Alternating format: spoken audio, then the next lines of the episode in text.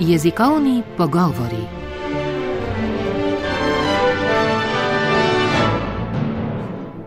Oddaja o jeziku in jezikoslovju.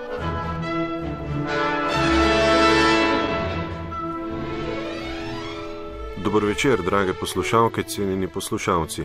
V jezikovnih pogovorih se bomo osredotočili na bogatstvo slovenske stavbne oziroma domačijske arhitekture, vso založništvo Slovenske akademije znanosti in umetnosti, Fakultete za arhitekturo Univerze v Ljubljani ter družbe za založništvo, izobraževanje in raziskovanje je šel besednjak vernakularne arhitekture. Delo predstavlja inovativno besedje večstoletne zapuščine slovenskih graditeljev. V jezikovnih pogovorih sta gosta avtorja tega dela, Borut Juvanec in Domen Zupančič. Dobro večer. Dobro večer. Večer. Pa za začetek osnovno vprašanje, kaj je vernakularna arhitektura? No, to je zanimiva, zanimiva zadeva. Eh, Vernakularna arhitektura je tista arhitektura, ki je plot graditeljev, ki so svoje znanje dobili z dediščino in ne v šolah, kot to dobivamo danes arhitekti. Se pravi, da včasih niso gradili tisti šolani mojstri, ampak preprosti mojstri, ki so dobili svoje znanje že v, od svojih staršev, starih staršev in tako naprej. In so seveda te stvari z novimi tehnologijami, novimi tehnikami in pa svojim osebnim nabojem nadgrajevali. Se pravi, ni šlo za neko, neke recepte, ampak za pravila. In to je bistvo. Se pravi, ne uh, vzeti nekega znanja, ki je bilo postavljeno, ampak to znanje vzeti samo kot osnovo, ki so ga potem nadgrajevali in zato imamo pravzaprav staro arhitekturo, ki ni neenaka in uh, kjer lahko pravzaprav samo razberemo izvor in uh, mojstre, ne najdemo pa dveh starih hiš, ki bi bili popolnoma enaki.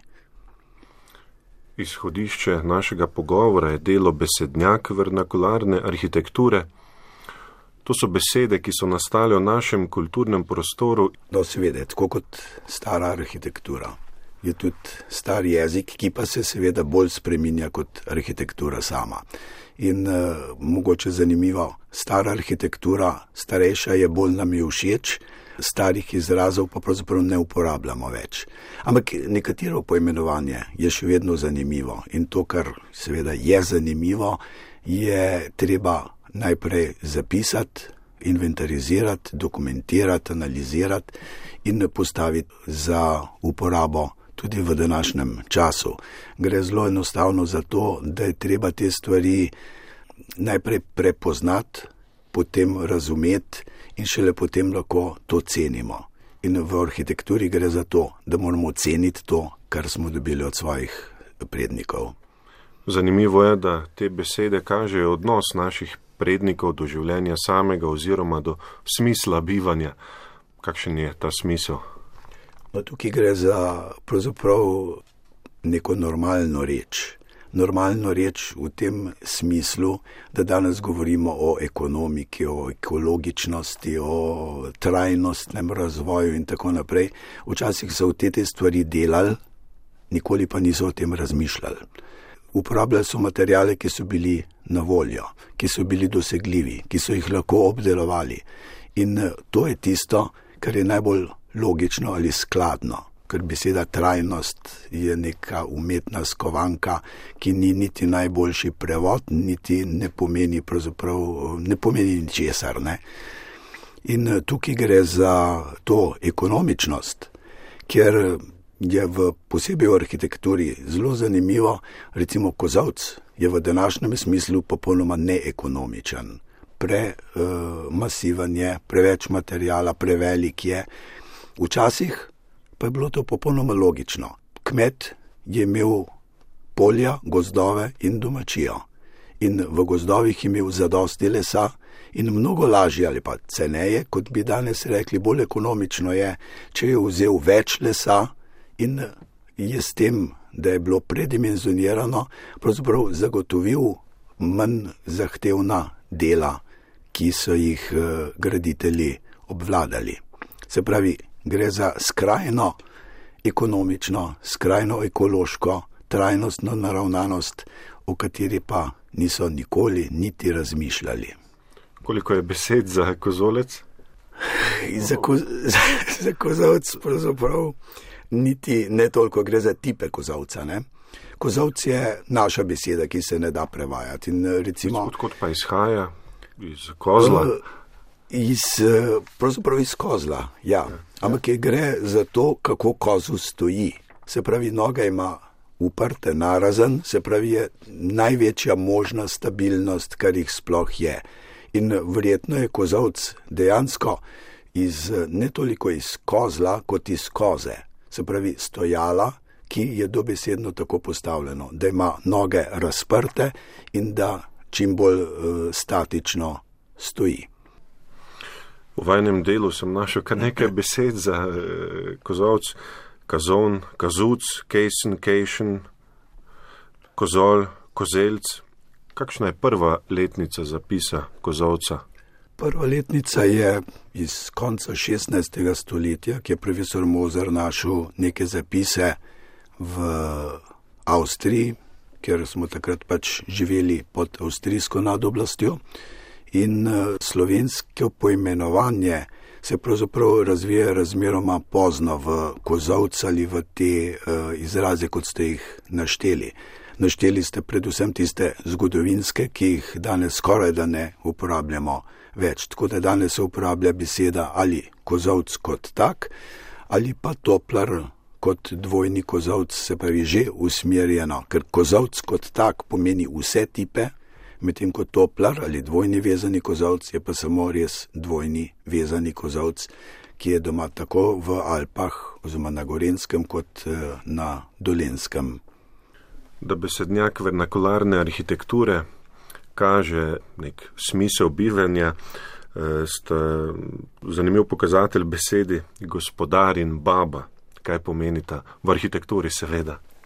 No, gospodar je načelno uh, moški, ki je šef družine, se pravi, ki gospoduje uh, družinskemu gospodarstvu. In uh, gospodar v hiši je tisti, ki pravzaprav največ nosi, ampak pri tem je hiša, ni zgradba, kot smo jo vajeni v vsakdanjem govoru danes, ampak je to bivalni prostor bivalni prostor, kjer so včasih ljudje delali, jedli, spali, medtem ko kuhinja je bila včasih kot predprostor ali predsoba, kjer so polnili eh, kmečko peč. No in ta gospodar je temeljni tram v stropu, ki stoji prečno na konstrukcijo, preko njega pa so sekundarni tramovi, ki nosijo dejansko strop eh, naslednjega nadstropja. Baba je pa pravzaprav tista, če danes rečemo, kaj pa je ženska. Ženska, punce bodo rekle, tri vogale nosi, enega samega pa moški, se pravi, ženska nosi. In eh, to, kar nosi dejansko, je temelj v kozavcu, spodnji del kozavca, spodnji del stebra v kozavcu, odebljeni del je baba. Dvakrat pomembno, ker je temelj in pravzaprav osnovni element in ker gleda ven, zato da pove, da ima temelj in pa da se od vrha babe naprej meri proporcijski sistem kvadratnega korena iz dve, oziroma kvadrata in kvadratnega korena iz dve, ki ga kozovc kot tak uporablja. Na krasu pa pomeni baba zaključni kamen na vrhu konstrukcije, kjer baba ne nosi, ampak sedi na drugi konstrukciji. Se pravi, na dveh koncih Slovenije ista beseda, popolnoma različnega pomena ali namena. Morda bi tukaj še izpostavili še mogoče to povezavo prav pri tej poimenovanju, ne mogoče malo hodomušno, ampak vse antropološko zanimivo. Ne? Oblika babe pri kozovcu je praktično narejena iz dveh delov je razkrečena na razen in van je ustavljen praktično stožnik, torej ta glavni stebr. Torej, ta preslikava na kakršno kol je dokaj jasna in tudi poimenovanje je precej, tako mi rekel, spoh ni prenesenega promena, je praktično neposredno. Izpostaviti pri temu, da je pa na krasu baba na vrhu, pa lahko tudi s tem povezujemo torej spet z nekimi karakternimi lastnostmi, ko lahko rečemo, da so krašovke dejansko bolj gajstne, drugačne, kot so pa gorenke ali pa dolenke. Torej spet te lahko povezave imamo, lahko si jih recimo domišljamo, jaz sem samo arhitekt, ne, ampak če jih pa narišemo, pa predstavljamo si v praksi, pa mislim, da to kar lepo drži. Sta pa tako baba kot gospodar, kot ste dejali nekaj bistvenega za zgradbo, kako pa je s hlapcem in ciganom? No, hlapec je seveda neka pomoč pri obdevanju kozavca. Tehnologija kozavca je, da pripeljemo z vozom že posušeno ali vsaj na pol posušeno seno in potem obdevamo, se pravi, primemo otep sena in damo med eh, letve. Ker pa je kozovc, seveda, okno kozovca razmeroma visoko, je treba stati eh, na vrhu in če bi hotel človek to delati na višini, bi se moral z eno roko držati eh, za letev in z drugo delati s to senom. Zato je stojalo, ki ga obesimo med letve, tista pomoč, se pravi dobesedno pomočnik, kjer lahko mirno stojimo, lahko premikamo iz ene višine na drugo višino in pri tem eh, pač te stvari pomaga. Cigan je pa tisti, ki drži, na katerega obešajo, predvsem na krasu, posodo nad ognjem, se pravi na verigi nek kovinski čebr, kjer so kuhali polento in eh, neka, neka taka reč, konstrukcija, ki je lahko kovinska, lahko lesena, običajno prvotno lesena, kasneje kovinska, je neko stojalo, ki ga lahko zapeljemo nad ogen, ko je kuhan, odmaknemo od ognja, jasno ognja ne moramo premikati po ognišču. Posebnost kraškega območja so hiške, ki so jih na krasu uporabljali pastirčki za zaščito na pašniku, drugot imajo različne namene, le pri nas so namenjene izključno pastirčkom, to je tudi izvorna slovenska beseda. Če bi bila italijanskega izvora, bi rekli koča. Po nekaterih virih celo italijani pišejo koča in to coccia, se pravi v italijanski transkripciji. Moram reči, da tega nisem našel v, v praksi iz preprostega razloga, ker v Italiji, na italijanski strani krasa, so hiške vedno na etničnem prostoru slovencev. Se pravi, gre za našo hiško, ki jo je pač politična meja razdelila. Hiška je pomembna predvsem zato, ker je res namenjena samo pastirjem in ne živalim, ima neko varovanje, zaščito ali če hočemo neko sodobno, sodobno tehnologijo, toplotne stene, tako, da ima ognišče nameščeno nekoliko dvignjeno, da ima dostop zraka z druge strani vhoda in da ima dimnik ne kot pri normalni hiši na vrhu, ampak spodaj nizko, zato da spravijo dim takoj ven. Hladen zrak, ki ga pa ogen sesa, pa naredi neko dimno zaveso pred vhodom in tako dobimo topu prostor noter in od zunaj je lahko seveda kraško podnebje namreč zelo ostro, se pravi imamo jutra zelo hladna, čez dan zelo vroče, spomladi in v jeseni, zelo zgodaj v jeseni že zamrzuje, tako da imamo kale ledenice in te stvari lahko že kar od oktobra naprej, kljub temu, da je še vedno sonce in še vedno toplo vreme. Pa pri hiški, pri tej naši hiški je ravno v tem, kako je ognišče in dimnik zajem zraka, ognišče in dimnik postavljeno, da je ravno prek vhoda, da gre ta dim oziroma topu zrak, ima poleg te sodobnosti, ki smo ugotovili, da je treba imeti toplotno zaveso pred vhodom, da ne udarja noter topu ali pa hladen zrak, ne v tem primeru, ima to prednost še z biološkega vidika, ker te hiške niso zidane z malto, niso polno zidane, to so sestavi suh na kamna, kamen na kamen. In ravno v tem, ko je dim v hiški bil, oziroma ko je bilo sajasto, se je preprečil, da bi vstopil v pastirski star, oziroma to počivališče, tudi mrčes, komari in druge žužki in tudi seveda plazilci, kar je torej pomenilo tako pametno postavljeno, da tudi si zaščiten pred piki insektov ali pa drugimi glodalci, ki bi noter zašli. Hkrati pa je to luknjica pri luknjici kot slamnata streha. Sam da je tukaj uporabljen kamen. Genialnost graditeljev hišk pa se kaže tudi v tem, da so določili višino z enakostraničnim trikotnikom oziroma so uporabljali kvadratni koren iz treh polovic, tako po občutku, ne da bi poznali matematiko. No, to je tisto, kar sem na začetku omenil, red in ne recept. Se pravi, če bi bil recept, bi rekli, do neke določene višine je lahko hiška grajena in potem ne več. E, tako pa so uporabljali zelo preprosto reč. Danes to poznamo kot kvadratni koren iz tri oziroma kvadratni koren iz tri polovic, če je trikotnik za osnovnico ena. Včasih so delali to bolj preprosto, izrezali so si tri enako dolge palce, jih sestavili v edini možni geometrijski lik, to je enakostranični trikotnik, in višina tega je koren iz tri polovic. Ne da bi vedeli, da je to ta koren iz tri polovic. Se pravi, uporabljali so znanje in red. In v končni fazi je to seveda najpomembnejša reč uporaba pameti. Besedje slovenske stavbne dediščine izvirajo iz različnih držav.